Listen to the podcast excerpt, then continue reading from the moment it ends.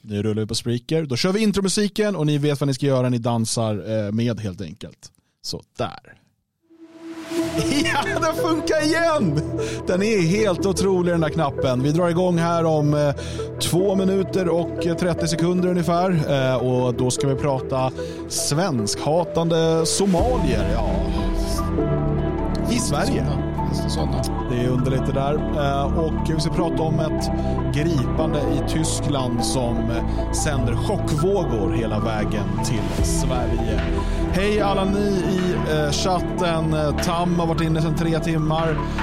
Mats är med, Kenny här, Axel, Per-Ola, Rune, Hakan, Marcus O, Niklas, Eva-Marie, Leif, Mona, Konnässören. Kör!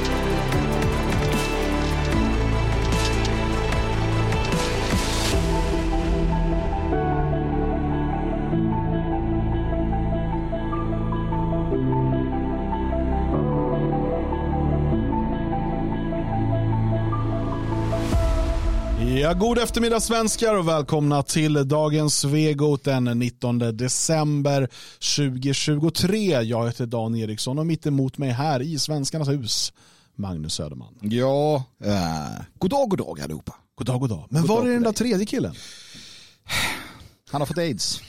Alltså, vi är ledsna, eh, sorgsna och på alla sätt och vis upprörda. Men Jalle Horn har fått aids. Mm. Han har dock lovat Um, hur mycket man nu kan lita på aidssjuka. Mm. Han har lovat att uh, vara med på uppesittarkvällen som ju är eh, nu på lördag 20.00. Precis, han har således eh, färdats till ett sånt här sanatorium. Mm.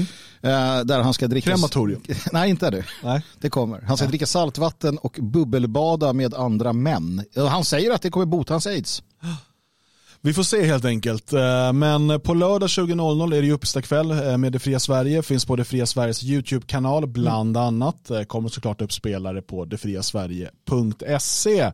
20.00 drar vi igång. Vi har bokat in ett antal gäster men vi kommer ju också ha inringningar. Mm. Och det är läskigt. Det är jätteläskigt. Tänk om tomten ringer.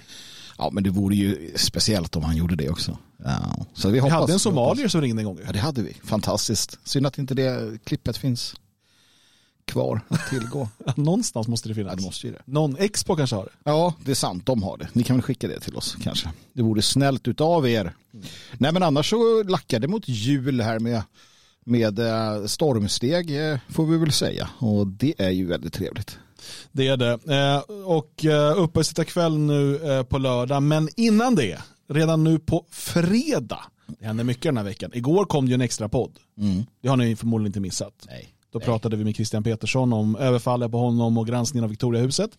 Idag är det direktsändningen. På fredag då kommer en podd för stödprenumeranter. Och då har vi gått igenom Brås nya rapport som heter Utsatthet bland förtroendevalda. Mm. Och dels ska vi kolla då på de här eh, hoten och, och, och så vidare mot förtroendevalda. Vilka står bakom dem enligt eh, Brå? Och sen tänker jag att vi ska ta en diskussion också kring eh, vad ska man egentligen tolerera? Vad ska man tåla som offentlig person eller förtroendevald politiker? Eh, för att eh, efter att bara skummat igenom rapporten, vi ska läsa den ordentligt tills på fredag, eh, så får jag ändå känslan av att en hel del av de där sakerna kanske är sånt man bara får ta. Om man liksom, det är lite så här att sticker man ut näsan så får man räkna med att någon kanske lappar till den. Ja, men jag är ju lite utav... I, i boxning alltså. Absolut, är, är- absolut. ja, ja. Nej, men jag är ju lite för, och det här är någonting jag brukar säga till min son och andra människor som beklagar sig i den händelse de gör det. Man måste alltid gå till sig själv först och så måste man tänka, jaha nu fick jag det här kastat på mig, finns det något skäl för det? Så börjar man i den änden. Fanns det det så måste man ändra sig, fanns det inte det så fortsätter man därifrån. Men det är lite här också för att absolut frågan hur mycket ska man som, um, ska man som politiker klara av, men frågan är också hur mycket ska man som folk ta innan man eh, tar itu med politikerna på ett sätt som de kanske inte riktigt förbereder sig på. Eller är förberedda på. De tror ju att de har carte blanche. De tror ju att de kan göra vad som helst. De kan felbehandla ett folk hur mycket som helst. De kan orsaka människors död hur mycket som helst. Eh, Och sen så blir de förvånade när de får hat och hot. Um, man ska inte bli förvånad, som Reinfeldt sa, eh, om man råkar illa ut, om man är jävligt elak eller eh, försummar eh, människor som litar på en. Man ska inte, det är som att, bli, det är som att vara elak mot sin kvinna och sen bli förvånad när hon lämnar den. Alltså, det är sånt som händer. Um, Och politiker ska fan förstå det också. Ja, eh, men som sagt vi går på djupet på det här nu på fredag i podcasten som, ehm, som kommer ut då helt enkelt. Nu i fredags så kom det också ut en podd eh, för er som är eh, stödprenumeranter eh, som handlade om Sverigekursen. Johan Perssons lösning på integrationen, den kan man höra eller se eh, den inspelningen för den gjorde med video eh, inne på svegot.se. Eh, Men det är då på fredag och som sagt uppesittarkväll på lördag. Eh, Så att det blir alltså Svegot måndag, tisdag, fredag, lördag kan man säga eh, den här eh, veckan. Inte, inte illa helt enkelt. Inte ett dugg. Eh, Men jag tänker att vi ska eh, gå in på dagens eh, första ämne. Lite senare ska vi prata om det gripande utav Patrik Wischke i Tyskland. En folkvald politiker, en folkkär politiker skulle jag till och med våga säga med tanke på hur stort stöd han har i sin hemstad Eisenach. Gripandet och numera också häktandet utav honom och varför det är relevant för oss här i Sverige. Eh, Men först ska jag prata om det som har blivit viralt på internet i våra kretsar de senaste två dagarna. Eh, Och det är framförallt tack vare en opinionsbildare på eh, X, alltså tidigare Twitter, som heter Plainview som hittade en intervju med Vänsterpartiets ledare i Järvaområdet. Mohammed Nour. Eh, en intervju som han gjorde för ett halvår sedan som knappt någon hade tittat på. Eh, Men eh, där eh, han hittade några intressanta citat som han klippte ut och la ut på, på Twitter. Då. Och sen igår så skrev vi om det här också då på detfriasverige.se och, och delade det här i våra sociala medier och det har nått många, många tusentals. Eh, och, och folk är rättmätigt förbannade på den här Mohammed Nour. Så är det. Eh, Jag, jag bara säger det, det finns väl, jag, jag misstänker att det här tillhör något som vi brukar kalla för lite slarvigt blatte Twitter eller ja. så här, så, att, att det finns liksom en, en ganska, det finns en uppdelning på sociala medier, eh, de olika plattformarna där man har liksom vårt och sen har ju de sitt och andra har ju sitt sådär och det är sällan man eh, stöter på de andra.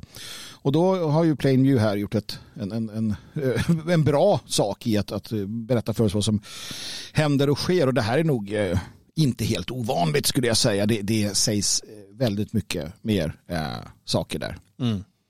Ja, nej så är det och man orkar knappt eh, liksom gräva sig ner i det där. Jag har några gånger hamnat in där på Twitter och YouTube på de här kanalerna och mm. poddarna.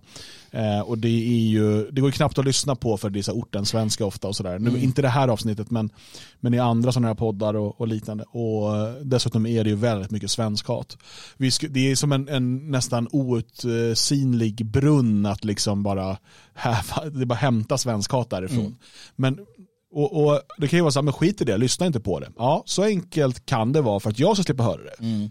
Men det här går ju ut till tusentals, framförallt då invandrarungdomar. Oh ja. Och när deras svenskhat. Mm.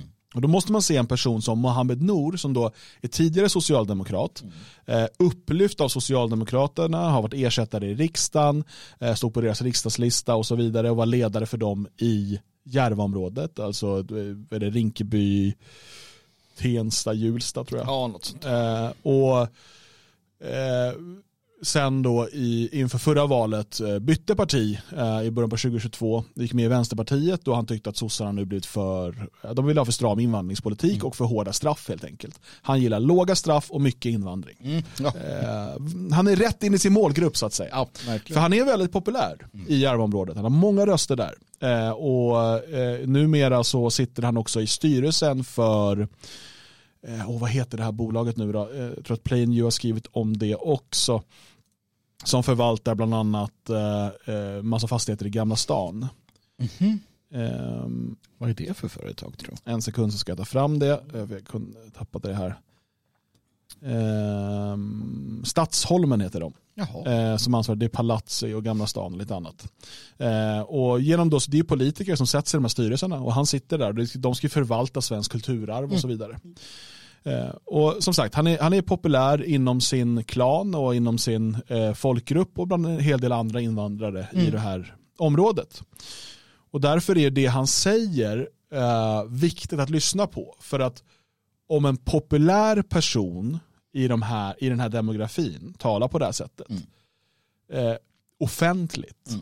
så måste vi förstå att bakom lyckta dörrar så är det inte lika tillputsat. Nej, nej. Och då är det här ganska dåligt tillputsat kan väl konstateras. Ska vi lyssna på det första klippet eh, som Plainview la ut. Um, det är drygt två minuter. Um, och så kan väl du bara säga till om du vill stoppa någonstans här Magnus. Mm. Jag, jag har lite sådär uh, undanbyggd, underbyggd ångest över att här är jag 31-åring, bygger upp på mitt sätt Sverige, ett land som jag har kommit till Eh, absolut, jag har betalat skatt och sådär, men jag älskar fortfarande Somalia. Mm. Eh, jag har aldrig åkt tillbaka dit av flera olika anledningar. Men Somalia är också ett land som, hur ska jag säga, behöver fortsatt utvecklas. Mm. Eh, jag har individer som jag har vuxit upp med. Vänta, årets underdrift. Ja, nej, men jag tänkte Somalia är ett land som behöver Fortsätt. fortsatt utvecklas. Kanske behöver börja, börja utvecklas. utvecklas ja. när, precis, när det ändå har stannat där, jag tänkte man skulle komma vidare på det här, men jag vet inte. Men jag tycker att han, han säger någonting väldigt tydligt. Det är någonting vi har pratat om väldigt många gånger. Och ingenting som jag egentligen höjer på ögonen och brynen för. Ja, man bör alltid fråga sig konsekvenserna. Det, det är det här han säger att han, han känner ångest inför att han är med och bygger upp Sverige. Mm. Det är i och för sig lite värre än vad vi brukar tänka oss ändå. För att det är en sak om du inte känner så mycket för Sverige. Jag tror han kommer sen till att han, men att folk ändå inte älskar honom. Typ. Mm, nej, för att det kan man ju liksom då, då ska han ju då kräva det på något sätt. Där. Ja, nej, men vi kan lyssna vidare och se vad han säger. Han, och sen är det så här, uh, han är ju då utöver att vara politiker, när han inte bara varit politiker, då, för jag tror han gör det på heltid nu, jag är osäker, jag tror det, så har han jobbat som barnskötare också. Mm. Uh, och, och, jag säger inte ett ont ord om barnskötare, mm. utan jag bara konstaterar att han har kostat mer i skattepengar än man har betalat med tanke på att hans lön kommer från skattepengar. Ja, precis. Jo. Jag säger inte, det här är inte nedvärderande barnskötare att de, Nej, att de på något är tärande. Ja, precis, det är uppbyggt på det sättet. Men att han gör en grej av att han har betalat skatt mm. när hela hans inkomst är skattepengar. Ja, fast å andra sidan så, ja precis, det är ju en sak. Men å andra sidan, han gör ju väl kanske det för att jag vet inte, vi är ju inte publiken här ska vi också komma ihåg. Så jag vet inte Nej, alltså, man kan säga att eh, barnskötare eller dagispersonal eller förskolepersonal gör ju att andra människor kan gå och arbeta och betala skatt. Precis. Ja. Eh, men han har ju inte betalat skatt. Alltså, jag, jag, tycker bara att det blir en, det är en rolig, ja. eh, att det är just ett, han jobbar på ett skattefinansierat jobb och gör en grej av att han betalar skatt. Och är politiker. Mm. Ja, dessutom. Eh, idag så är det väl det han får all sin intäkt ifrån. Men som har åkt tillbaka till hemlandet, det är tjänstemän, är politiker. Mm, okej. Eh, och här står jag fortfarande och liksom bygger upp ett samhälle som några gånger utifrån eh, då och då liksom så här, bara hatar på en. Eh, Så det är liksom så här, i det långsiktiga så tänker jag bara, fuck allt, ta ert jävla land. Ja, Jag, jag tänker väl så här att ehm, eh, om man ska vara lite sådär, uh, alltså, först känns det här att samhället hatar på honom, som man säger då. Eh, det är inte sant. Ehm, det finns, alltså, jag vet inte om det finns ett samhälle som är mindre, om vi ska kalla det då för rasistiskt eller mindre nej. främlingsfientligt än det svenska. Det, du kan nog inte hitta det. Det är klart att det finns de som hatar på honom ibland. Eh, när han då Är det verkligen korrekt svenska? Nej, det är inte korrekt svenska. Säkert inte korrekt någon, somaliska jag, tror att det är, jag tror att det är från någon engelsk, rap-engelska, hating on me eller något Ja, antagligen. Nej, så där ljuger han ju, eller, eller snarare har lärt sig att, att det är så. Han, han lär sig som alla andra unga eh, utlänningar att Sverige hatar honom. Det är det han, han får med sig hemifrån och från, från liksom politiker och från eh, partiet han är med i. Så där.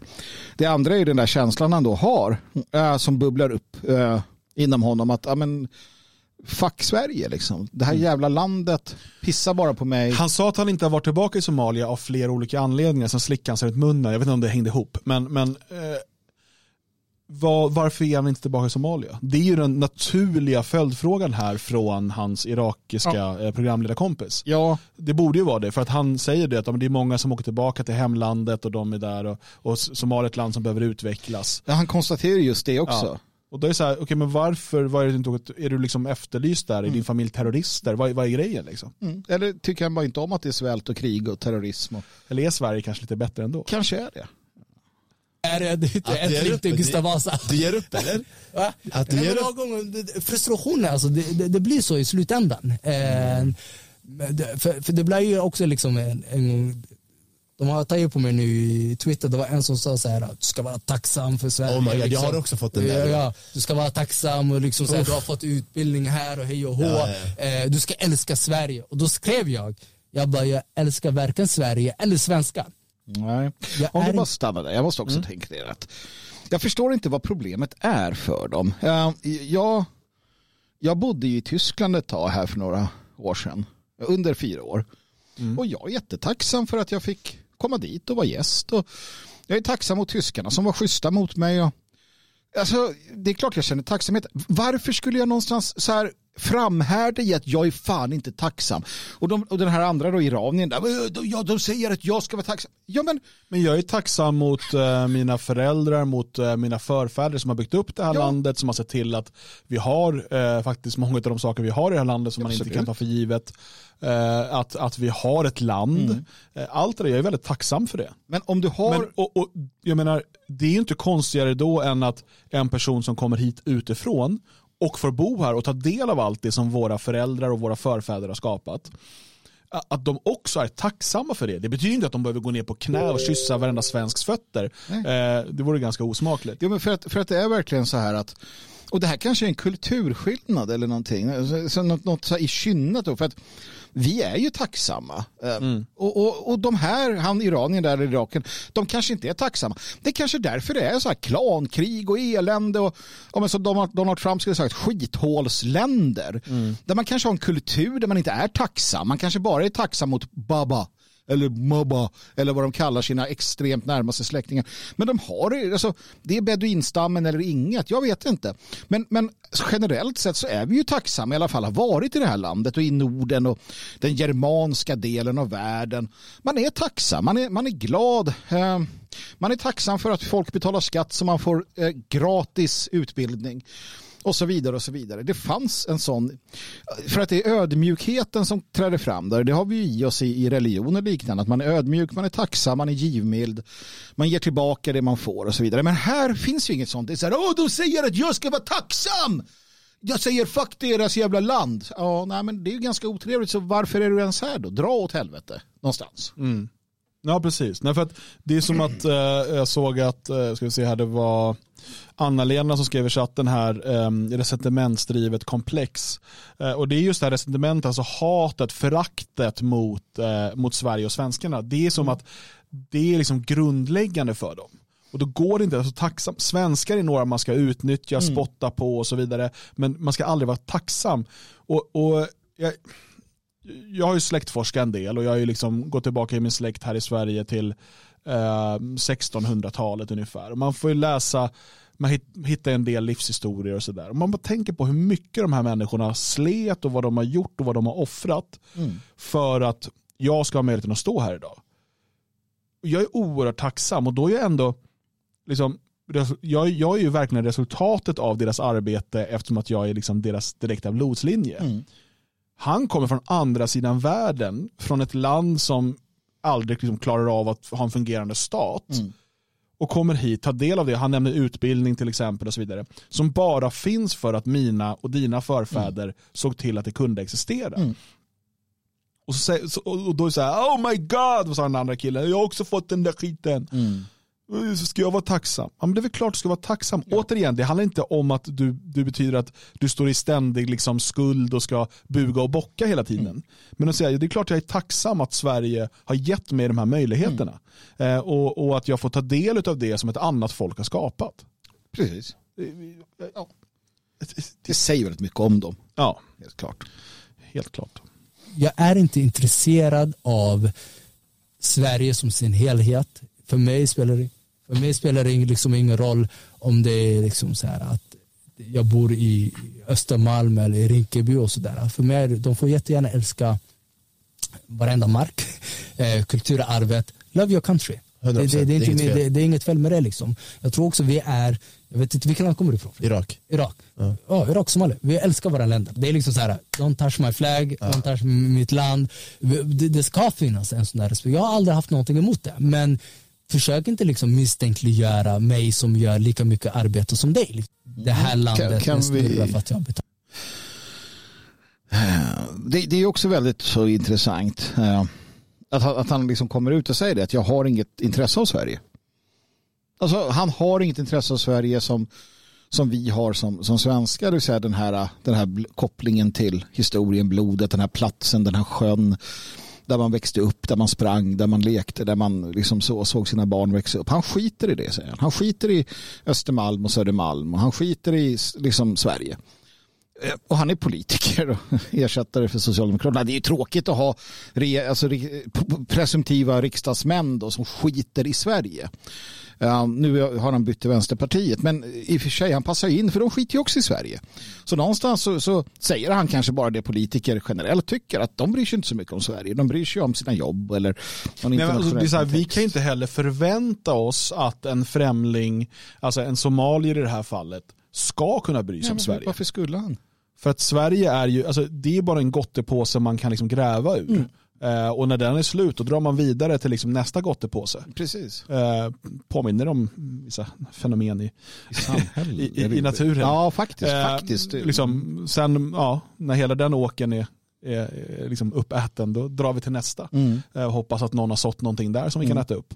Eh, och, och, det är lite så, liksom, för att det finns ju eh, de här undantagsfallen av invandrare även från fjärran länder mm. som liksom direkt känner att nu är det min plikt att göra något bra för helheten här och liksom försöka göra mitt bästa för Sverige. Och så där. Mm. De här människorna existerar men de är ju väldigt ovanliga. Mm. Istället hör man ju det här eh, resonemanget. Och det är ju inte så konstigt som sagt. Han kommer från en klankultur, han är en del av en mm. klankultur. Han är inte svensk, han kan aldrig bli svensk. Han eh, ser bara hur kan jag berika mig själv, min klan och lyfta fram positionerna för min grupp. Ja men precis.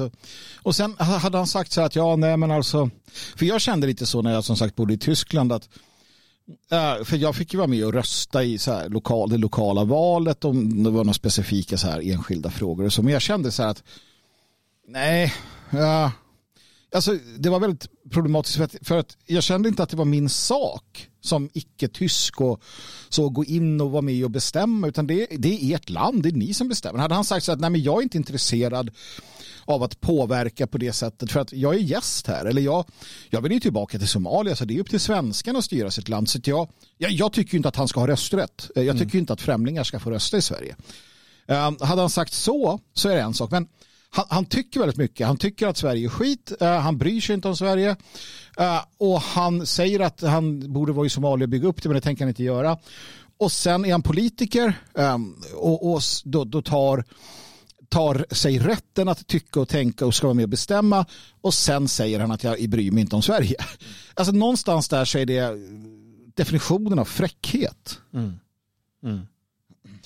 Ja, um, helt klart. Vi kan lyssna vidare då. Och han menar ju då att eh, kom inte och säg någonting till mig som också lika mycket, vad sa han, lika mycket bygger upp. Ja. Ett land, det, det, ska finnas en sån där respekt. Jag har aldrig haft någonting emot det. Men försök inte liksom misstänkliggöra mig som gör lika mycket arbete som dig liksom som gör lika mycket arbete som dig. Mm. Det här är en, återigen, eftersom att han ser på Sverige som en gottepåse eller en åker som ska liksom, där, där, där man ska äta det som någon annan har sått sig. Det blir en väldigt så här materialistiskt tänk att jag gör lika mycket arbete som mm. dig. Och vad betyder det? Vad, hur mäter han det? Nej, och vem är dig i sammanhanget? Och, ja. någon, någon, och var, är allt arbete lika bra? Eller? Ja, precis. Är det lika mycket värt? och varför skulle, och skulle det liksom Ska vi inte misstänkliggöra någon som säger fuck ert land mm. eh, och som snart kommer prata om folkutbytet och så vidare mm. eh, som någonting bra. Misstänkliggör inte mig. Nej. Mm. Det här landet den snurrar för att jag betalar skatt. Mm. Det ska liksom inte ducka sig i sin lilla hörna för att eh, andra anser att de borde vara andra medborgare. Mm. När vi hittar den där styrkan inom oss så tror jag också att eh, vi kommer ta mycket mer över i Sverige och den här folkbyten som Sverigedemokraterna pratar om. Ja. Mm. När vi hittar den styrkan inom oss då kommer vi ta mycket mer över och mm. det där folkutbytet som Sverigedemokraterna talar om. Uh, nej men det, han, han, vet ju vad han pratar om och han, uh, han, uh, han inser ju det. Han, han, förstår ju att de kommer ta det. Um, och, och, det är den här chockerande, det chockerande här, det skulle jag säga den chockerade blindheten hos mitt eget folk. Jag var i Stockholm för någon vecka sedan eller två, nu minns jag inte. Men mm. jag var i Stockholm äh, i ett ärende, jag och sonen, och det var ett tag sedan jag var där sist. Och vi stannade till på en plats som jag brukade äh, stanna till på när jag jobbade i Stockholm och bodde där. Äh, för att äta. Och jag klev ut och noterade att, vänta nu, vad fan har hänt? det var alltså sju resor värre. Tio resor värre än sist jag var där. Och så tänker jag på um, människor jag känner som bor där eller som eh, liksom befinner sig de här, på de här platserna så tänker jag hur fan kan de vara kvar? Alltså hur, hur, hur, hur, hur, kan, man, hur kan man fortsätta leva här? Och så inser jag ju naturligtvis att det är den där kokta grodan. Va? Jag kom därifrån och sen mm. kom jag tillbaka och såg det. Och jag inser att det här, alltså du måste lämna storstäderna. Mm. Du, du måste lämna storstäderna. Allt annat är oansvarigt. Oansvarigt gentemot sig själv, sina nära och kära. Man måste lämna storstäderna. För att när vi lyssnar på den här mannen som då företräder tiotusentals människor i förorterna som är väl medveten om folkutbytet, som inte bryr sig om Sverige eller svenskarna. Det är dina grannar i Stockholm, i Göteborg, i Malmö. Det är dina grannar. Vi vet under eh, de stora upploppen för ett tiotal år sedan hur nära de kom och hur mycket polisen inte kunde göra någonting. Men det är den här kokta grodan och den här chockerade blindheten också bland nationalister som överhuvudtaget inte reflekterar över det faktum att de befinner sig i en extremt fientlig miljö varje dag och låter sina barn växa upp i den. Eh, det där är för mig chockerande. Det är chockerande att inte eh, göra det man måste göra. Men som sagt, jag förstår också blindheten. Uh, och det är väl det enda som ursäktar. Mm. Men man måste förstå, lyssna på den här mannen, den här unga mannen. Uh, och inse att den här, det här folkutbytet fortsätter hela tiden. Tänk på vår vän Johan i Sydafrika som, som berättar hur det är att leva i den typen av demografi när han och hans mor är ute och går och handlar i ett, vad som brukar vara ett vitt område. Och rätt som det är, pang, över en sekund så utspy, utbyts lugnet till en liksom kakafoni av våld och, och, och upplopp när de svarta från förorten bara kommer in och drar igenom den här lilla byn som en, som en liksom svärm och lämnar kaos och förödelse och mord bakom sig. Att, att vägra förstå vartåt det är på väg i skenet av vad han säger. Mm. Hur han resonerar. Han, han bryr sig inte om Sverige. Tror att han bryr sig om svenskarna? Och det här då uh, multipliceras till gängen, till klanen och allting. Sluta nu svensk. Men det han säger där är också, jag älskar varken Sverige eller svenskar. Och då måste man ta det, och det kan man säga, nej varför ska han älska svenskar? Men det han säger implicit, alltså det han säger egentligen är ju att han inte tycker om svenskar. Mm. Det är ju det han säger. Ja, ja, ja, ja. Eh, det är inte det älskar i det som vi kanske lägger begreppet utan um, jag älskar varken Sverige eller svenskar. Varför, man, varför vill man poängtera det? Och vem är egentligen svensk? Precis. Det står någon jävla annan vänster. Det måste vara roligt när de där typen av eh, vänsterpartister möts. Den vänsterpartist som säger att alla som bor här är svenskar. Och han bara, jag älskar varken Sverige eller svenskar. Uh, Okej, okay, men, men du är ju svensk Mohammed. Mm. Jag är somalier. Uh, ett till klipp uh, som Plain New la upp uh, låter så här. Yttrandefrihet är ganska heligt för, för, för några av dem men när det väl kommer till andra så, så då blir det en begränsning. Hur vågar du? Hur vågar du? Hur vågar du säga sådär? Vi har tagit emot dig och gett dig alltihop. Ja. En utbildning, skolgång, mat på bordet. Hur vågar du uttrycka dig sådär med den hudfärgen, den ursprungen du har? Du går in för mycket på det, men det finns en liten touch på att ja, Sverige, eller etniska svenskar inte föder kanske lika mycket eh, barn som mm. eh, de med utländsk bakgrund och sådär. Och det, kan man, det är kanske det som oroar dem. Eh, folk säger till mig att namnet eh, Mohammed, det finns många Mohammed och sådär. Alltså jag fick fick kolla upp det. Jag tror vi är 15 000. Skrev jag på Twitter att målet är att bli 100 000. kaxigt bror. ja, man får provocera det några gånger. För jag är så, jag. Efter tio år bror, ja. man blir trött. Mm. Sen... Mm. Mm. Tydlig. Ja, ja, absolut, absolut. Det, det är ju målet. Och, och jag menar, det, han säger ju inte det för att skoja, utan han pratar om folkutbytet och han pratar om att då är man på väg åt det hållet. Och, och det är det de vill. Och så återigen, återigen, det som chockerar mig är inte den här, den här personen och det han säger, utan det är den, den totala ignoransen hos svenskar i allmänhet och nationalister i synnerhet. Eh, mm. Jag, kan, jag kan liksom ursäkta vanligt folk som inte begriper, men nationalister som fortsätter att, att uh, inte göra det. Nej, jag, jag, förstår inte varför. Här sitter de sen och kollar på en artikel om Björn Söder och vilken hemsk människa han är. Mm. Det finns en sak jag reagerar på här. Vi får se om du gör det också. Sen säger de att islam sprids med svärdet och han vill själv tvinga på religion på folk. Annars, vad menar han att konsekvenserna ska vara? Han har kallat Pridefestivalen för ett sjukligt jippo. Okej, okay, men det, jag kan hålla med lite där. Han säger, jag kan hålla med lite där. Mm. Irakien där. Mm. Vänsterpartisten protesterar inte. Nej, nej. Och, och det... För här är publiken andra invandrare. Absolut. Muslimer. Just det. Men hans parti och han kommer när det, när det passar vara för Pridefestivalen, mm. vara för homoäktenskap mm. och så vidare. Han själv är med största sannolikhet emot det oh ja. och, står och, och, och, och, talar emot det när han pratar med sina klanbröder mm. och, och församlingsmedlemmar. Och det är det här som, som också är fascinerande. Ja, I det här fallet då hur vänstern fortsätter att vara förblindad. Ja, för, för, som du säger, dels vänstern är förblindad och, och återigen då, om vi ska vara självkritiska nationalister förstår inte hur eh, målmedvetna muslimerna är i det de gör. Mm. Eh, utan eh, fortfarande finns ju de som välkomnar islam på ett sätt, eller muslimer på ett sätt som, som är liksom väldigt problematiskt i det att man inte begriper att de har, och som de har sagt själva om och om igen, att vi ska ta över ert land. Eh, mm. och, och nationalister säger, ja men det är bra, ni gillar inte judar i alla fall. Mm. Och ni gillar inte homosexuella, så att mm. okej. Okay. Så ja, ja, men vi, vi måste ju kunna ha flera bollar i luften. Uh, och när Hamas-anhängare applåderar massakrer i Israel så är det ju inte så att de inte skulle applådera massakrer i Stockholm. Mm. Och det är det här man inte vill begripa. Så när det sker, för att vid 20-25 procent så sker det. Ja, alltså, Hamas eh, som i sin egen kommunikation säger att deras mål är ett världskalifat. Ja, precis. Det är precis. liksom- Mm. Nej, men när en befolkning, eh, när, när, och det här är enligt de, all, all liksom, vedertagen fakta vi kan hitta, när eh, den islamistiska muslimska befolkningen i ett land stiger till 20-25 procent så sker eh, eh då, ser man, börjar man se miliser bildas och liknande. Och det kommer att hända och det kommer att hända i storstäderna. Och, och det kommer framförallt hända, eh, och då kommer folk säga, men vänta nu, men det var ju, det var, det var ju judarna inte gillade. Och de sa, va? Och, muslim, eh, och, och vänstern sa, men, men vadå, var det inte, varför dödade ni homosexuella? Så här, ja, men han sa ju det, han sa att det är sjukligt, sjukligt jippo.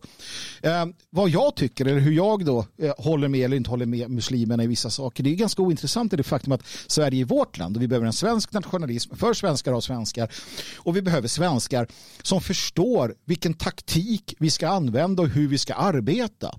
Eh, och det har vi för lite utav och därför så fortsätter vi liksom att Eh, Medan muslimerna går från klarhet till klarhet, de, tar över bygg, de, tar, de har sina samlingsplatser, de, de tar över företag, de arbetar jäkligt konstruktivt. Så fortsätter vi att traska runt i någon form av gegga som vi aldrig kan släppa med en massa eh, dåligt från förr. Eh, Och det får vi göra vårt bästa för att sluta med. Så är det. Eh, vi kollar vidare här och ser vad de säger. Eh, han ifrågasatte om Sverige verkligen vann slager em när Oh my god bror, bara för att hon är blatte.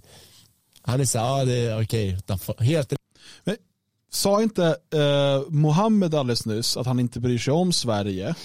Eh, han är Soma som Somalia hans hemland och bla bla bla. Han är inte svensk och sådär. Vad är skillnaden mot att Björn Söder säger det om när en afrikan... Nej, precis. Men det var ju som när Björn Söder sa att samer är inte svenskar efter att samer hade sagt att de inte är svenskar.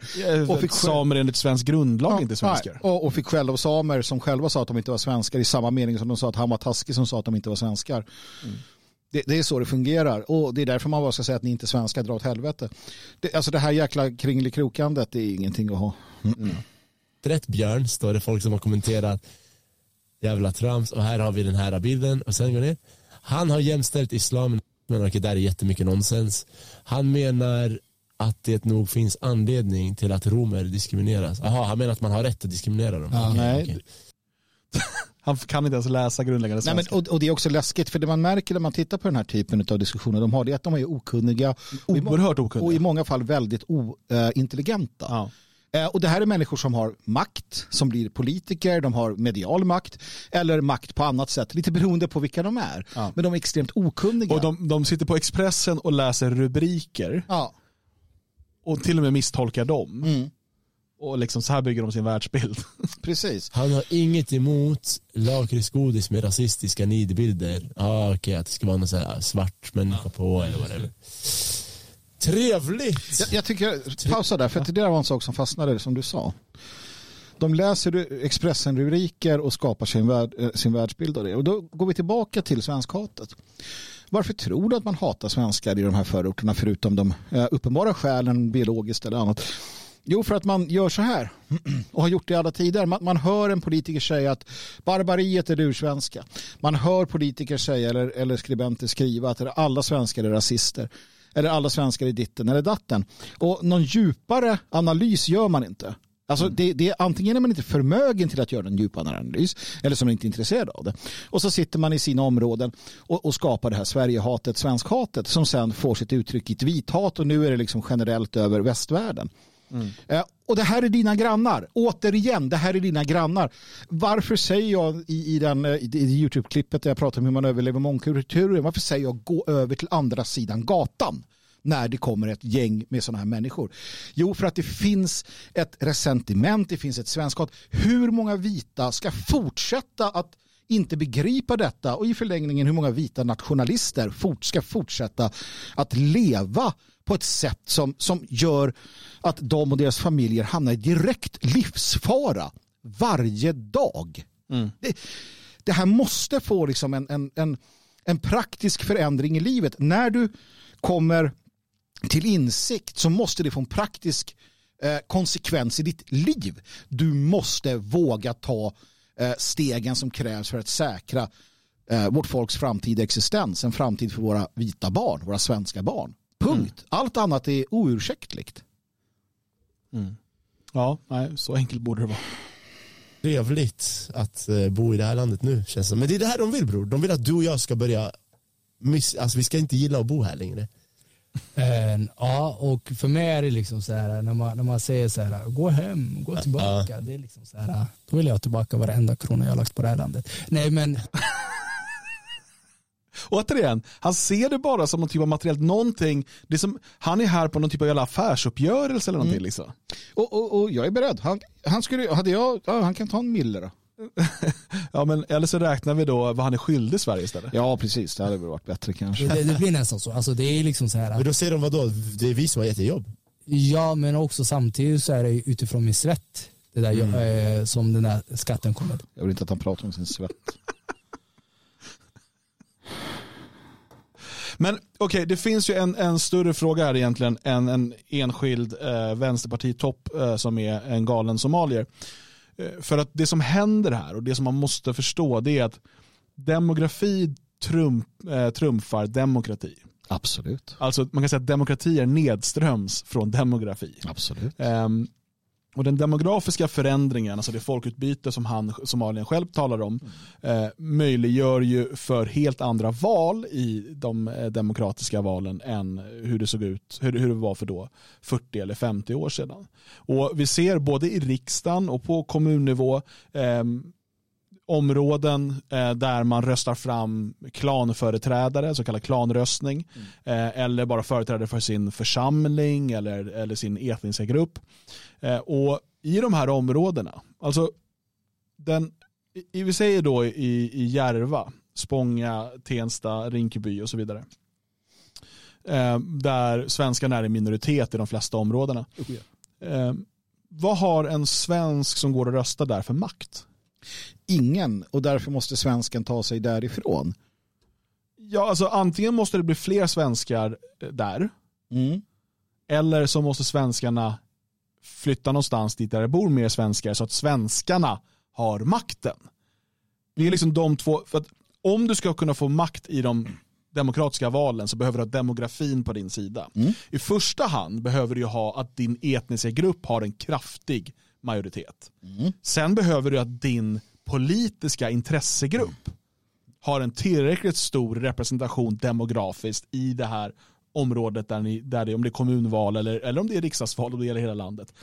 Eh, Att ni har tillräckligt många för att kunna få politiskt inflytande. För att så enkelt fungerar demokratin. Och om du försöker eh, få det politiska inflytandet i ett område där du redan som etnisk grupp är i minoritet eller inte ens en kraftig majoritet. För det räcker inte liksom med 51 procent för det finns inte så att alla de röstar etniskt så att säga. Eh, utan eh, du, ett område där svenskarna kanske bara utgör 75 procent. Du har redan mycket, alltså en sån oerhörd uppförsbacke att nå över en spärr för att komma in i ett kommunfullmäktige. Mm. Och, Men i ett område där du har 80%, 90%, 95% svenskar och dessutom aktivt eh, se till att människor med liknande värderingar finns i de här områdena. Där kan man bygga också politisk makt, för politisk makt är inte den enda makten.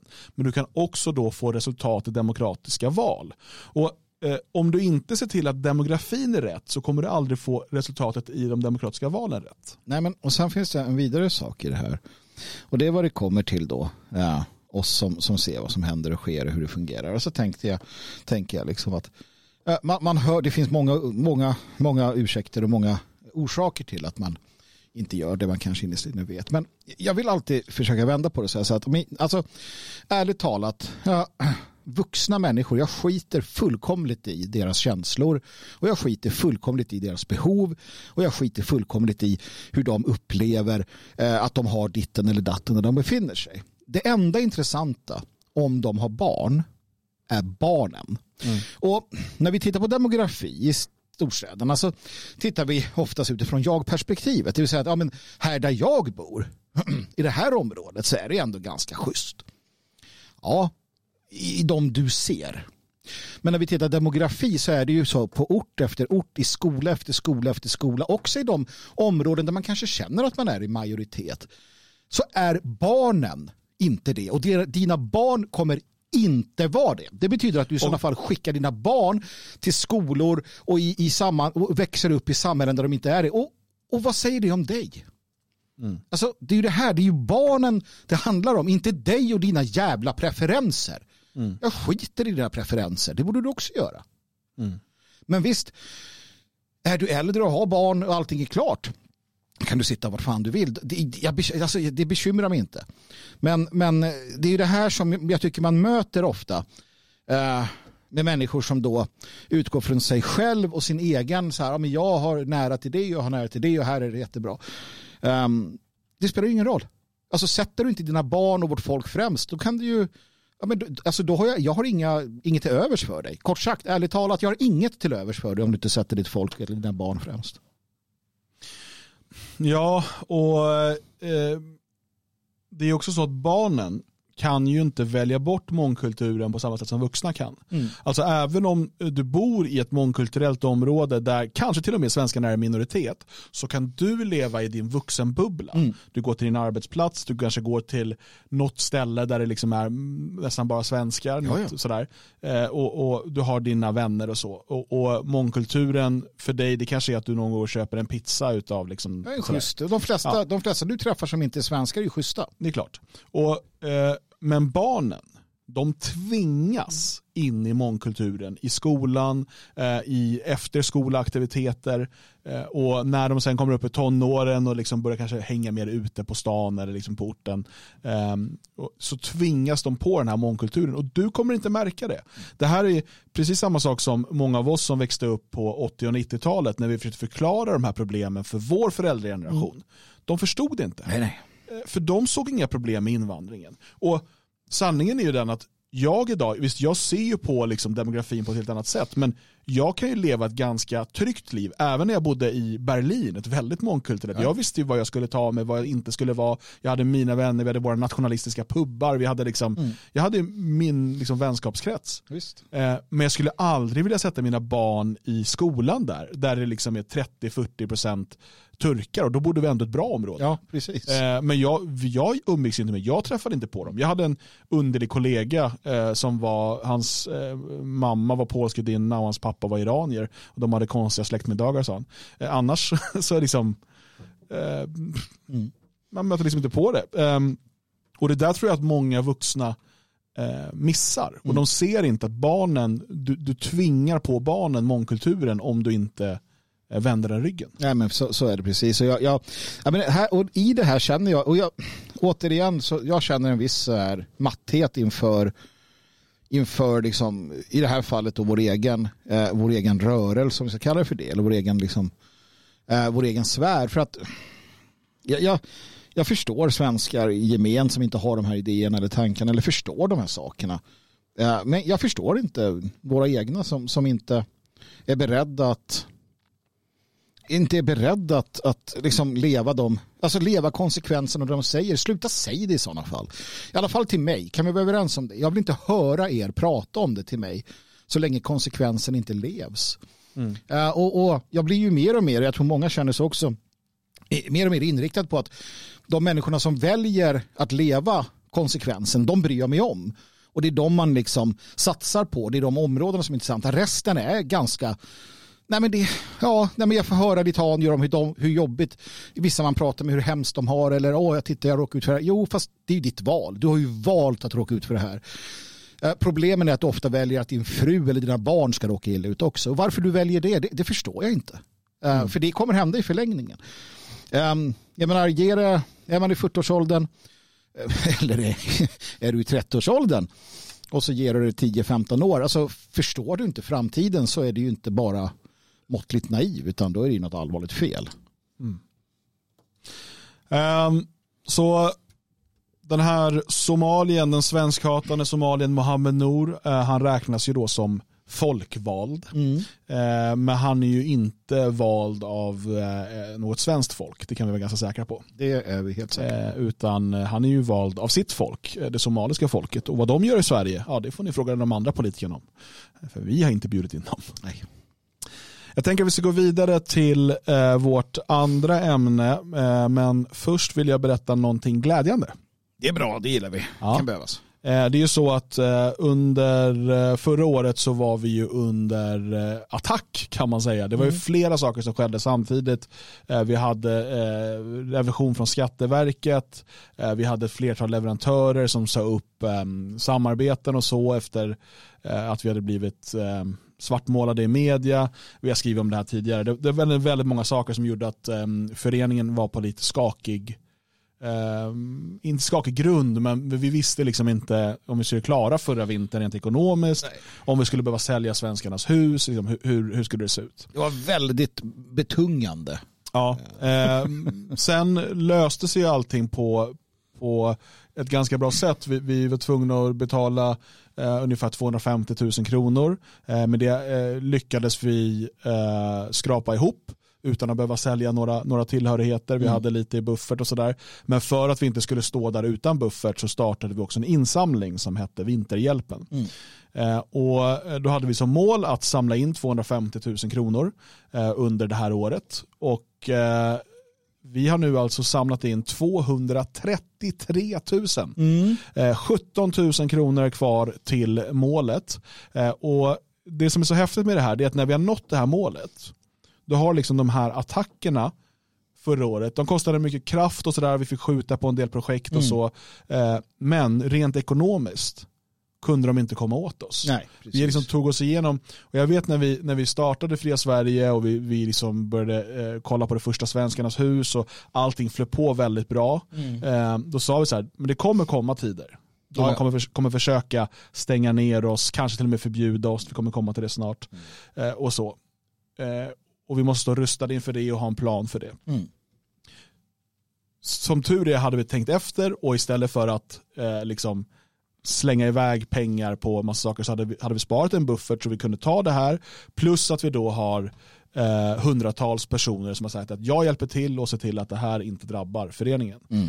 Eh, så det saknas 17 000 till målet eh, och vill och kan du hjälpa till så går du in på detfriasverige.se eh, och sen bara scrollar du eh, ner till eh, pågående insamlingsprojekt och där finns också Vinterhjälpen och information om hur du hjälper till. Du kan också gå in på detfriasverige.se donera eh, och hjälpa till den på den vägen. Så att bara ett stort, stort tack till alla er som har stöttat Vinterhjälpen fram tills nu eh, och det är tack vare er faktiskt eh, som vi har vågat nu ta steget att eh, förvärva det andra Svenskarnas hus. Mm. För eh, hade vi inte kunnat bygga upp den här bufferten igen och haft den här eh, säkerheten tack vare de som har donerat då hade åtminstone jag dragit i handbromsen och sagt att vi kan inte investera i en fastighet till nu eh, när, liksom, om, om kassorna är tömda och sådär. Så tack vare all den här hjälpen så inte bara överlevde vi eh, en tuff tid utan dessutom kan vi nu gå framåt. Eh, och det andra Svenskarnas hus ligger ju i Skåne Mm. som ni säkert eh, känner till och det kommer komma mer information i början av nästa år.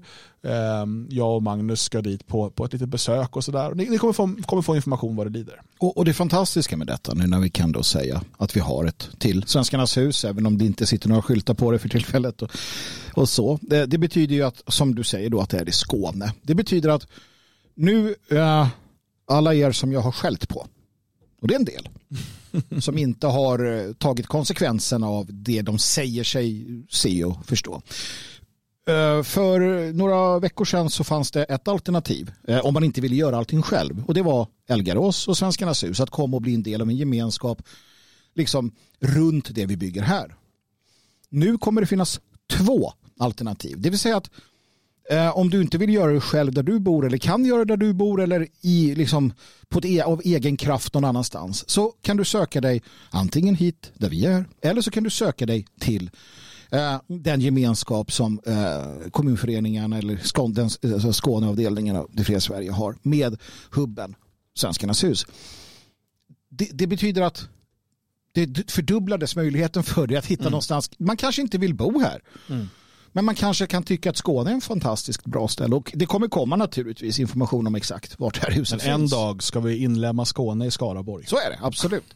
Skåneskara ska det heta. Det är som Skåneborg. Skåne, Skåneborg. Ankeborg. Nej, men, så att, det är inte svårare än så. Eh, vi gör hela tiden det här arbetet och nu finns det fler alternativ. Så att, uh, ja, ja, det var det jag ville ha sagt där. Så är det. Så in på detfriasverige.se, stöttar vi inte hjälpen så tar vi det här i mål innan årsskiftet. Jag hoppas vi får fira redan på uppesittarkvällen på lördag. Att vi har nått dit. Ja men det vore jättetrevligt. Absolut. Det, trevligt. tror jag nog vi kan göra. Eh, vårt eh, andra ämne för eh, dagen tar oss till Tyskland. Jag ska faktiskt ta fram en artikel här eh, på detfriasverige.se för vi skrev om detta, eller jag skrev om detta i lördags. Precis. Chockerande gripande av folkkär politiker, viktig varning till svenskarna. Och eh, vi pratar här om Patrik Wischke eh, som då är eh, ledande företrädare för Die Heimat, som de heter, eh, tidigare NPD i Eisenach som ligger i Thüringen i Tyskland. Och eh, det här är, är inte bara en utrikesnyhet. Vi ska berätta vad som har hänt där, men den är också väldigt viktig för oss här i Sverige. Ja, verkligen. Och låt mig bara då kort eh, säga så här att det här blev väldigt personligt för mig. Eh, min fru är ju från Eisenach, eh, eller precis utanför, då, en by utanför. Eh, men det är där hon har gått gymnasieskola och sådär. Hon har också då, eh, utan att ha varit politiskt engagerad, känt eller varit bekant med Patrik Wischke.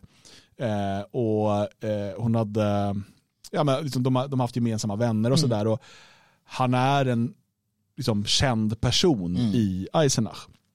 Jag har varit bekant med honom och senare vän med honom eh, sedan 2007. Eh, så att det, det är liksom en, en person som jag, jag känner ganska väl eh, och har eh, träffat med, träffats många gånger och vi har arbetat en del ihop. Ehm, så att eh, jag, jag, jag, skulle, jag skulle säga att jag känner honom. Ehm, och han är ju en av de personer som också hjälpt till att inspirera till Svenskarnas hus. Genom att i Eisenach eh, så eh, har de ett hus som heter Flieder Volkshaus. Eh, och eh, det, är, det ligger i stan eh, och är en eh, pub, en samlingslokal, en arbetsplats och så vidare. Lite grann som Svenskarnas hus, det är lite mindre, det är som sagt det ligger intryckt i stan. Liksom. Men har varit en viktig mötesplats för nationalister under lång tid. Och man har från den tyska statens håll försökt på olika sätt att gripa eller liksom stänga ner eh, det här huset. För att det har, man, man tycker inte om att det finns. Nationalister ska inte få ha någonstans att samlas helt enkelt. Nej, det är ju inte Eh, nej, eh, och, men, men man, de har stått emot mycket. De har haft duktiga advokater som har hjälpt till och sådär. Men i lördags, nej, eh, i torsdags, dagen efter Lucia, så eh, på, tidigt på morgonen så eh, väcks Patrik Wischke utav att eh, hans hem, eh, alltså poliser står och bankar och ska bryta upp dörren till hans hem. Han släpper in dem och de genomför en husrannsakan eh, och eh, griper honom. Inte för att de hittar något olagligt utan för att de var där för att gripa honom och genomföra en husrannsakan. Man gör det här också i flera andra eh, hem och företagslokaler. Och det som man då anklagar honom för det är alltså ett understödjande av en terroristorganisation. Det är allvarliga anklagelser. Det är väldigt allvarliga anklagelser Dan Eriksson. Så vad är det för vänner jag har egentligen? Ja, man frågar sig ju det. Eh, För jag menar, ett sånt där kan ju inte bara komma från ingenstans. Terrororganisationer är ju ändå väldigt allvarligt. Ehm, alltså, jag, jag berättade om det här Flieder Volkshaus. Och i Eisenach, det finns ju ganska många nationalister där. Vi ska bara säga det också att Patrik Wischke har då alltså eh, ställt upp i lokalval i fyra val i rad och, ökat, nästan dubblerat sig varje gång. Eh, I senaste valet fick han över 10% av eh, rösterna. Och då ska jag säga Eisenach, det är inte en jätteliten stad heller. Eh, jag ska kolla hur många som, hur många som bor där. Det är då alltså invånare 42 000 som bor i stan. Mm, ja, det är ändå, det är ändå en, en stad. I Sverige är det liksom, ja, i Tyskland är det en småstad helt Mm. enkelt. Eh, Känd för att det var där i, i eh, Wartburg som eh, Martin Luther översatte Bibeln. Just det. Eh, och så är det födelsestaden för Johann Sebastian Bach. Eh, så de har lyckats med det. Men så han är alltså invald och har varit flera gånger men nu har han då ökat ännu mer till 10 procent. Jag tror det blir tredje eller fjärde största parti. Ehm, och eh, som sagt väldigt känd och omtyckt i, i Eisenach eh, bland konservativa och nationalister. Eh, och nu anklagas han då för understödjande av terroristorganisation. Eh, Eisenach har en ganska levande nationalistscen, många ungdomar som är aktivister och sådär. Och några av de här ungdomarna bildade för fem sex år sedan en eh, idrottsförening. Mm. eh, med eh, framförallt fokus på kampsport. Mm. Och då träffades de några gånger i veckan och tränade kampsport. De hörde av sig till Patrik och frågade vi har ingen lokal att träna i, skulle vi kunna träna i Flider Folkshaus? Ja, självklart. Ja, det är därför det finns här. Eh, Så kom hit, eh, städa efter er Precis. eh, och, och använd lokalerna för, att- för att träna. Jättebra. Eh, För två år sedan så klassades den här idrottsföreningen som en terroristorganisation. Hade de, Ska vi stanna Jaha. där? Ja, jag tänker, ja, det kan ju inte vara för att de boxades. Då måste det vara att de har hittat eh, tunga vapen eller planer på att eh, alltså, spränga, mörda, skjuta, Eh, ta över. Det, det de har då det är att ehm, några utav, det är ganska många som varit med i den här idrottsföreningen Mm. som heter Knockout 51 och 51 står då för EA vilket är det som står på bilarna för Eisenach. Ja, ja, ja okej. Ja, det var- ja. ja, men, ja precis. I kol, EA. precis. Mm, Ja. okej. Ehm, Knockout Eisenach alltså. Ja. Coolt. en boxningsklubb, Ja, men roligt. det heter så. Ja, Ja. jag. Eh, och eh, några av medlemmarna i den här idrottsföreningen eh, har hamnat i slagsmål med eh, både vänsterextremister och poliser i samband med eh, demonstrationer. Mm, det kan hända. Sånt händer, speciellt i Tyskland. Ja, alltså går det på demonstrationer som är lite sådär, eller så, att, att hamna i lite hand, handgemäng och råkur. Jag menar, bara titta första, första maj varje år när polisen har som väderrapporter om hur det ser ut i de olika delarna där vänstern finns. Att vi förväntar oss mycket stenkastning längs den här strassen och här kommer nog brandbomberna hagla. Alltså det är inte så att det inte händer. Nej, Nej precis. Men, eh, och, och det, det är det ena. Det andra är att eh, man påstår, de är ingen, ingen som är dömd ändå, men att några av medlemmarna ska ha planerat eh, överfall på eh, några vänsterextremister eller jag vet inte exakt. Men det är lite så här oluddigt också i media exakt vad de ska ha gjort och sådär. Men det, ja, de ska ha planerat det. Jag har planerat att slå någon på käften. Typ, Eh, eller? ja, ett överfall står det bara i media. Eh, Okej. Det kan, ja, ja, så, Ja. Det, vi vet, inga, Nej, men vi vet inget om det. återigen, det är medlemmar i en idrottsförening. Ja, Och de var inte dömda för det, så att egentligen så De är inte dömd, ingen är dömd ännu, de sitter häktade sedan två år tillbaka. Eh, Det pågår eh, Ja, rättegångsförhandlingar. just det, man kan ju inte utgå från vad som pågår. Alltså, nu tänker jag rent så här Ja. att det kan ju inte ligga till grund för något i ett vanligt nej, men, nej, men det man gör då det är att man klassar eh, organisationen som en terroristorganisation, då kan man gripa alla. Eh, men alltså Patrik Wirski har ju aldrig tränat med de här. Han är inte medlem i den här idrottsföreningen. Nej, men du kan ju inte klassa något som något och sen, du måste ju först säga att Nej, utan här är det ju då eh, en, en domstol som kollar på den här och säger någon politiker kommer med förslag om att den här organisationen bör nu klassas som en terroristorganisation. Och så tittar en eh, domstol på det. Först är det på lokal nivå eller regional nivå. Eh, och de säger ja. Och då får polisen möjlighet att gå och gripa alla. Eh, så att utredningen, och sen fortsätter utredningen. Sen går det här vidare, eh, det här i alla fall gick vidare då till även på förbundsnivå och de tycker också att den här ska vara då terrorklassad, den här organisationen. ja, men du kan för, för fan inte retroaktivt. Men vänta, vänta nu. Eh, så att då sitter de anhållna och så utreds det här. Och sen har man då även vid husrannsakan hittat lagliga saker, men som kan användas eh, vid våld. Till exempel eh, sådana här eh, startpistol som man får ha i Tyskland, eller sån här eh, med, med Mm. tårgaspistol. Ja, men det får du ju ha. Det får man ha. Eh, och sen även då delar som skulle kunna användas till att bygga vapen. Mm. Ja, men det är ingenting som är olagligt av de här sakerna, men de, det är sånt de har berättat Men om. har, du, har du lite, vem fan, det är skrot. Ja, jag, jag vet inte exakt. Men eh, det är ju en sak, det som händer med den här idrottsföreningen. Mm, ja, precis. Det är liksom illa i sig. Ja, ja, visst. Men varför griper man då Patrik Wischke Ja, vad har han gjort i detta? Det förstår jag inte. två år senare? Ja, vad har han gjort? Understödjande av terroristorganisation. Det är två anklagelsepunkter. Det ena är att eh, i samband med eh, att flera av de här greps så kontaktade eh, de via någon chatt eh, Patrik och frågade om han kände någon advokat. Eh, och då har han hjälpt och förmedlat kontakt till en advokat.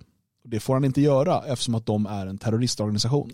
Vänta, får jag bara stanna här? Ja. För jag måste ändå fråga Du får ordning. inte förmedla advokatkontakt till terrorister. Då understödjer du terrorister. Får man i Tyskland, får man en, en advokat? Minns du inte att en advokat blev dömd för förintelseförnekande i Tyskland? Jo, det minns För att ha, för att ha försvarat sin klient som var åtalad för förintelseförnekande. Jo, för att hon använde hans argument. Precis, och hon var tvungen att då, för att försvara honom förklara, men han använder de här argumenten och det finns bäring i dem. Och så då inför rätten. Och då blir hon själv dömd Ja, ja. för Jo, förintelseförnekande. jag minns det. Det var ju Ja. problematiskt. Men, men jag måste bara ändå så här, alltså om man hamnar som, som, som nu Patrik Wischka då, han hamnar in, så här. Säger någon, om han säger jag vill kontakta en advokat, de här poliserna var, Jag tror att de, får till, de kanske får tilldela, men han får inte hjälpa dem på något sätt. Så det är det ena. Det andra är ju då att han har ju låtit dem träna i hans fastighet. Innan de var terrorklassade så att säga. ja, Ja. De var ju en idrottsförening som Ja. ville ha någonstans att träna sin ja men det boxning. kan du inte, han kan ju inte sitta, Jo, det menar de då är, han har då understött en terrororganisation genom att han har låtit dem träna boxning när de inte var en terrororganisation, ens juridiskt då, eh, i sina, sin fastighet. det Och känns som därför att sitter han nu häktad Det känns fulla som att- restriktioner. spelreglerna inte är riktigt som de borde vara här. Eh, det är de inte. Eh, och det här är ju varför det här blir så intressant för oss i Sverige. För att den lagstiftning man har i Tyskland, där man förbjuder understödjande av terroristorganisation, är ju något som Tidöregeringen vill införa i Sverige. Man har tagit som exempel till exempel då att man har lagat mat åt terrorister. Det, det är ett exempel Mm, som jo. Billström tror jag det var, Ja. själv har tagit upp. Eller om det var Strömmer. Ja. Eh, den typen av understödjande till terrorister eh, ska nu bli liksom olagligt. Mm. Vem som är terrorist och inte, det bestämmer ju den rådande makten. Mm. Eh, den juridiska makten och eller den politiska makten. Så eh, det som händer här nu är alltså att Patrik Wischke är en folkkär politiker, en folkvald politiker i Eisenach som har gått fram starkt i varje val. Eh, och eh, han har varit en nagel i ögat på etablissemanget under lång tid. Eh, man har försökt stänga ner hans fastighet för att han inte ska kunna ha eh, pubkvällar och, och möten och utbildningar och sånt där men inte lyckats.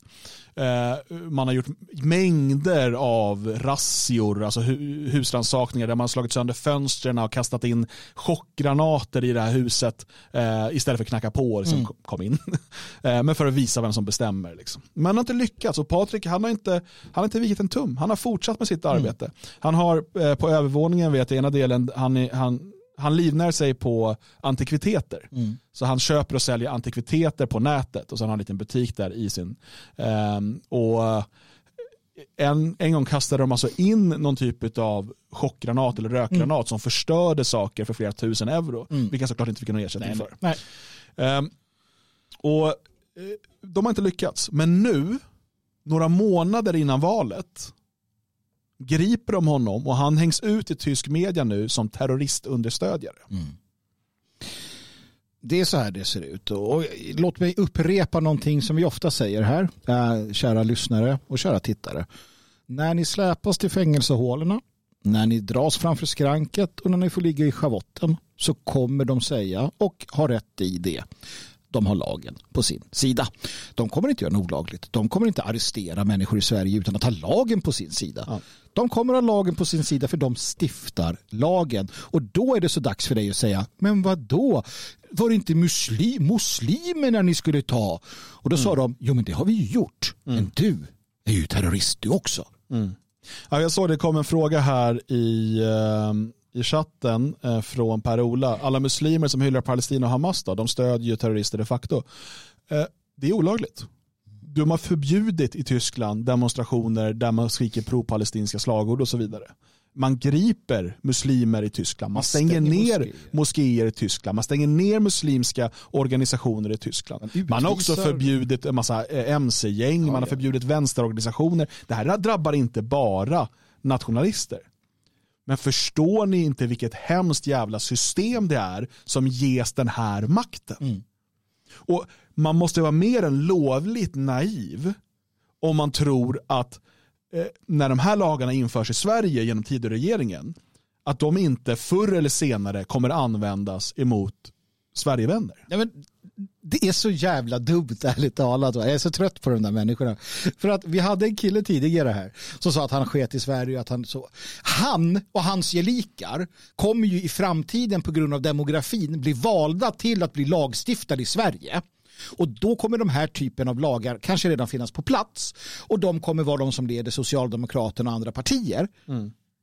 Och då kan de med lagen i ryggen göra precis vad de vill. Och då sitter de här Sverigevännerna som satt och skrattade och tyckte det här var så bra för att man skulle ge sig på muslimerna och bli dragna till schavotten och tänka vad fan var det som hände. För att av någon anledning så, så lyssnar man inte på vad fan jag säger. Utan man tänker själv och jag börjar tro att folk ska sluta tänka själva. Eh, det börjar bli tröttsamt dumt det här. Jag ser på Twitter framförallt och sådär där de så här varför är högermänniskor inte för att vi ska förbjuda det här och det här och det här? Vad fan, det är ju jättebra. Man kan diskutera filosofiskt kring det. Man kan diskutera kring att ja, men jag förstår att man tar till de här metoderna. För vad ska man göra? Vad ska man göra för att få slut på muslimsk eh, expansion eller islamism i Sverige? Men vi måste ju ändå principiellt säga för fan, det här kommer användas mot oss. Och som du är inne på Dan i Eh, din text om Viska här på Det fria Sveriges hemsida. Det finns ju andra sätt att lösa problemet med, med, med islamiseringen till exempel och muslimsk terrorism. Det gör det. Det finns ju betydligt bättre lösningar. Saker som faktiskt, för det är också det här, är det det du vill komma åt så behöver du ju en punktinsats som faktiskt sätter stopp för det. Och att sätta stopp för eh, islamisering av Sverige, vare sig den är med liksom svärd eller med eh, moskéer eller vad det nu än är, det gör att du måste ta bort grogrunden till att eh, islamiseringen kan ske. Vilket såklart är ett avvecklande av mångkulturen som, som idé och därmed eh, återvandringen eller repatrieringen av en stor del av de här människorna. För att om vi inte ska ha en mångkulturell idé, en mångkulturell stat längre, så kan de här människorna eh, inte vara en del av Sverige. Vi behöver också en grundlag som tydligt konstaterar att Sverige är svenskarnas land. Och att de människor som vi eh, av en eller annan anledning tillåter att bosätta sig här, eh, vare sig det är för att eh, vi har krig i närområdet och det kommer flyktingar, eller om det är arbetskraftsinvandring av spetskompetens som vi inte har, eller om det är kärleksinvandring när folk har blivit kära i varandra i, på semester, eller vilken anledning folk än kommer hit, studera kanske. De människor som kommer hit och som får komma hit, de har också ett tydligt krav på sig att acceptera och respektera att Sverige är svenskarnas land. Och det är aldrig en diskussion. Det ska aldrig vara en diskussion. Men det finns inget parti idag i Sveriges riksdag som driver den frågan. Sverigedemokraterna är ju såklart inne och liksom det naggar i kanten på det där ibland. De är med liksom. Eh, och, och liksom utav de åtta partierna i riksdagen så är det de, det närmaste vi har ett sånt parti. Men det är ju som att ingen har modet nog att ställa sig upp och säga just detta. För att organisationsförbud och avskaffande av föreningsfriheten, eh, den här typen av eh, bestraffningar som vi ser i Tyskland där, för det är så uppenbart för mig att man använder det här, det här är nu det sättet man hoppas kunna komma åt eh, Patrik Wirske och hans framgångar i de politiska valen samt eh, Fliede Volkshaus som nu alltså har funnits i, jag tror det är över tio år i, i Eisenach och, och liksom blivit en bekant del av stadsbilden. Det är så här man hoppas kunna komma åt det.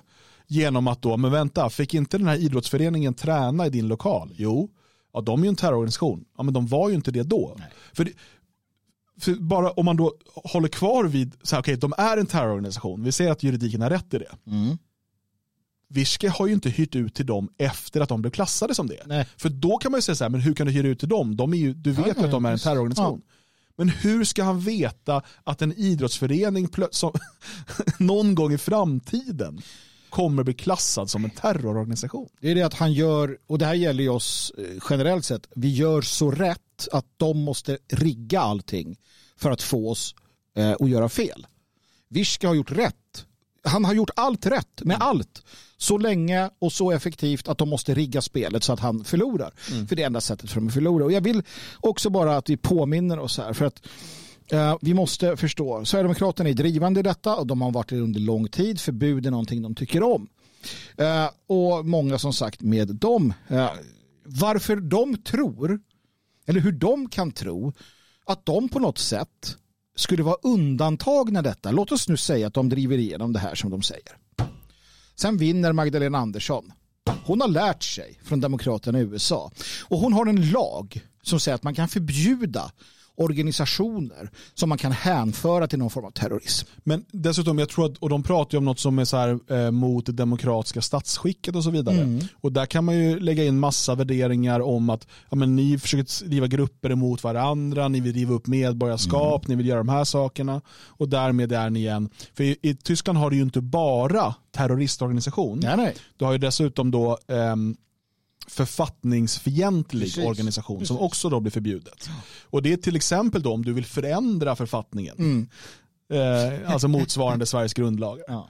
då kan man förbjuda dig. Nej, och Dan, du kan väl bara, som är lite av vår internationella expert, eh, berätta hur det gick för, eh, var det Belgiens största, till andra största parti? Ja, de var störst i Flandern. Just det, Ehm, Flandens största parti. Ja, eh, Flams, eh, då hette de Flams block. Flamsblock, ja. Eh, de förbjöds.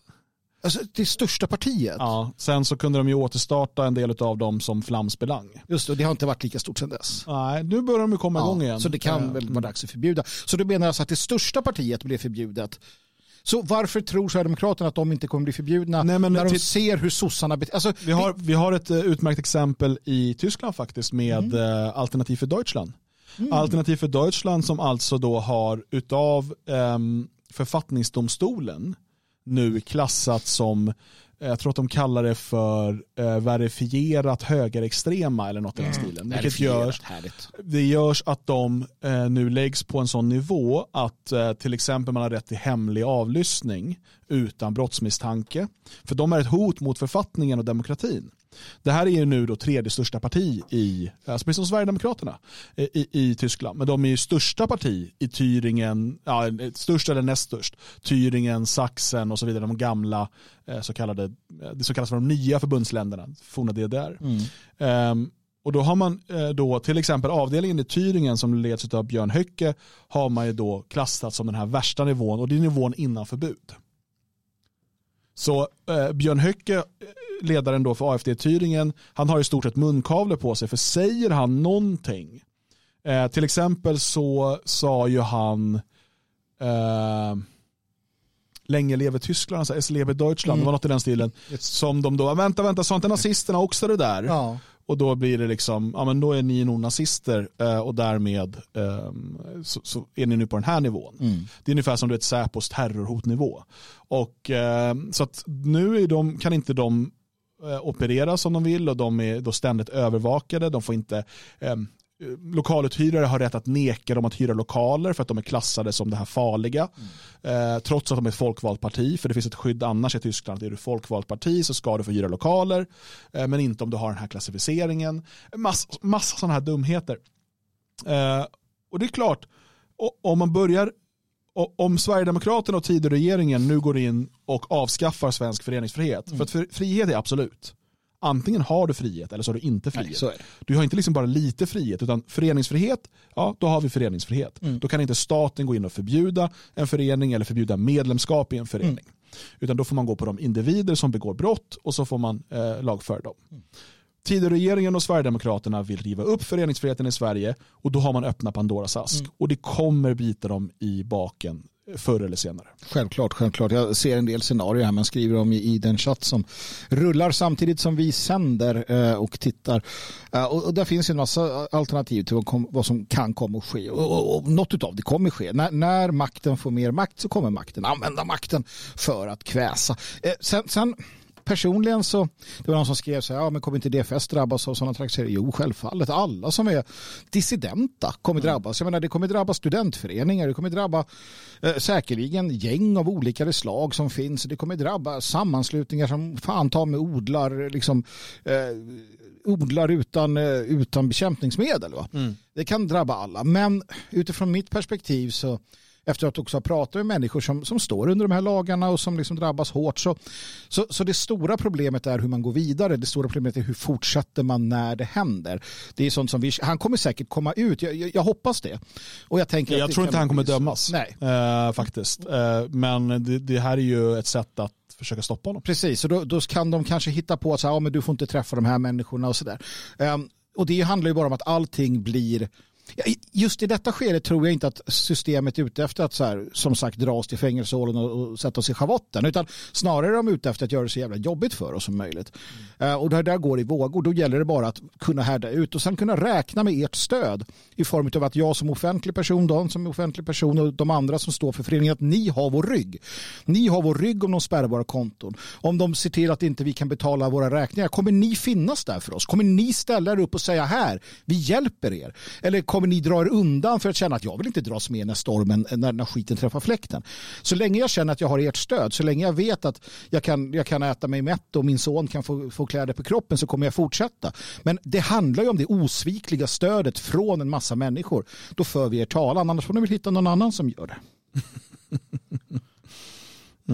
Ja, för vi kommer sitta liksom utblottade i ett fängelse. Nej, men eh, man, man, man, man, man, Det är då man skriver sina bästa böcker. Ja, precis. Nej, men vi måste skapa en, en robust struktur och det jobbar ju vi med naturligtvis. Vi är inte dumma på det sättet. Eh, och vi måste skapa en, en, en autonomi eh, i, i föreningen och så vidare utan att liksom gå in på detaljer. Eh, och vi måste ha våra Svenskarnas hus. Vi måste ha hubbar där ni kan komma och säga hej istället för att skicka meddelanden på internet. Vi måste ha liksom, försörjningslinjer och allt möjligt så att absolut. Eh, och, och det som inte dödar mina vänner, det här. Så är det. Oj, oj, oj. På fredag kommer ju som sagt en eh, podcast där vi går igenom SCBs nya rapport eh, om hot och hat mot förtroendevalda. Och vad måste egentligen förtroendevalda tåla? Men på lördag, det är det ni väntar på allihopa, då är det uppesittarkvällen. Mm. Eh, För tolfte gången tror jag. Mm, något sånt. Ehm, vi börjar 20.00 och kör på så länge vi orkar. Eh, vi har redan ett gäng intressanta gäster inbokade, både svenskar och utlänningar. Mm. Mohammed Nour kommer, önska god, god eh, somalisk jul. Har man slutat säga ytti som folk? Jag tror det. Ja, det är dags igen. Nopplisar har också försvunnit. Nopplisar har försvunnit. Ja. Eh, Det sänds ju på Det Fria Sveriges YouTube-kanal bland annat. Det kommer såklart upp spelare samma dag på detfriasverige.se. En sajt som ni bör besöka sådär generellt ändå. Och dessutom finns ju eh, Det Fria Sverige i massa sociala medier. Och är du, använder du någon sådan så bör du ju följa vårt arbete där. Det, tycker finns jag. på Instagram, Telegram, mikrogram, Kilogram. Finns på alla gram. eh, alla gram. Alla gramnivåer. Eh, vi finns också på Facebook numera. Ja. Eh, ny, nytt, en ny sida på Facebook efter att Zuckerberg åt upp den senaste. Precis. Finns vi på LinkedIn? Ni finns inte på LinkedIn, men vi finns på X. Finns på X. Mm, alltså det som en gång hette Twitter. När kommer man sluta säga att det är före detta Twitter? Ja, men vi har ju börjat säga mer X, så jag tror det tar, tar ett tag. Men så länge man går in på Twitter. Så, och sen så är problemet med tweets, att, att man lägger tweets, inte X. Seats. Eh, så att eh, följ oss i dessa sociala medier så att ni inte missar någon eh, viktig uppdatering och besök detfriasverige.se varje dag. Mm, ja, absolut. Alltså flera gånger om dagen, Ja, helst. Helst det. Man vet aldrig och, ehm, och, och, och håll koll på detta. Där finns det allt ifrån evenemang och poddar och, och artiklar, eh, lokala undersidor. Eh, det finns eh, en butik där man kan handla lite tröjor och kaffemuggar och böcker och allt möjligt. Mm, mm. Eh, men eh, nu kommer vi säga tack och adjö för idag. Det är som sagt uppstäckkväll på lördag. Sen är vi tillbaka med ordinarie ehm, direktsändning, den här tisdagssändningen 14.00 den 9 januari. Mm. Eh, Så att eh, häng med nu den här veckan, podden på fredag, uppesittarkvällen på lördag. Eh, Och eh, sen kan jag, jag, jag vågar inte garantera något, men jag misstänker att det kommer komma ut en del poddar, eller någon podd åtminstone, även däremellan. Det är så svårt att hålla tyst. Eh, Men eh, annars så håller vi ut till den 9 januari. Nu tackar vi för oss med lite vapen och sprit.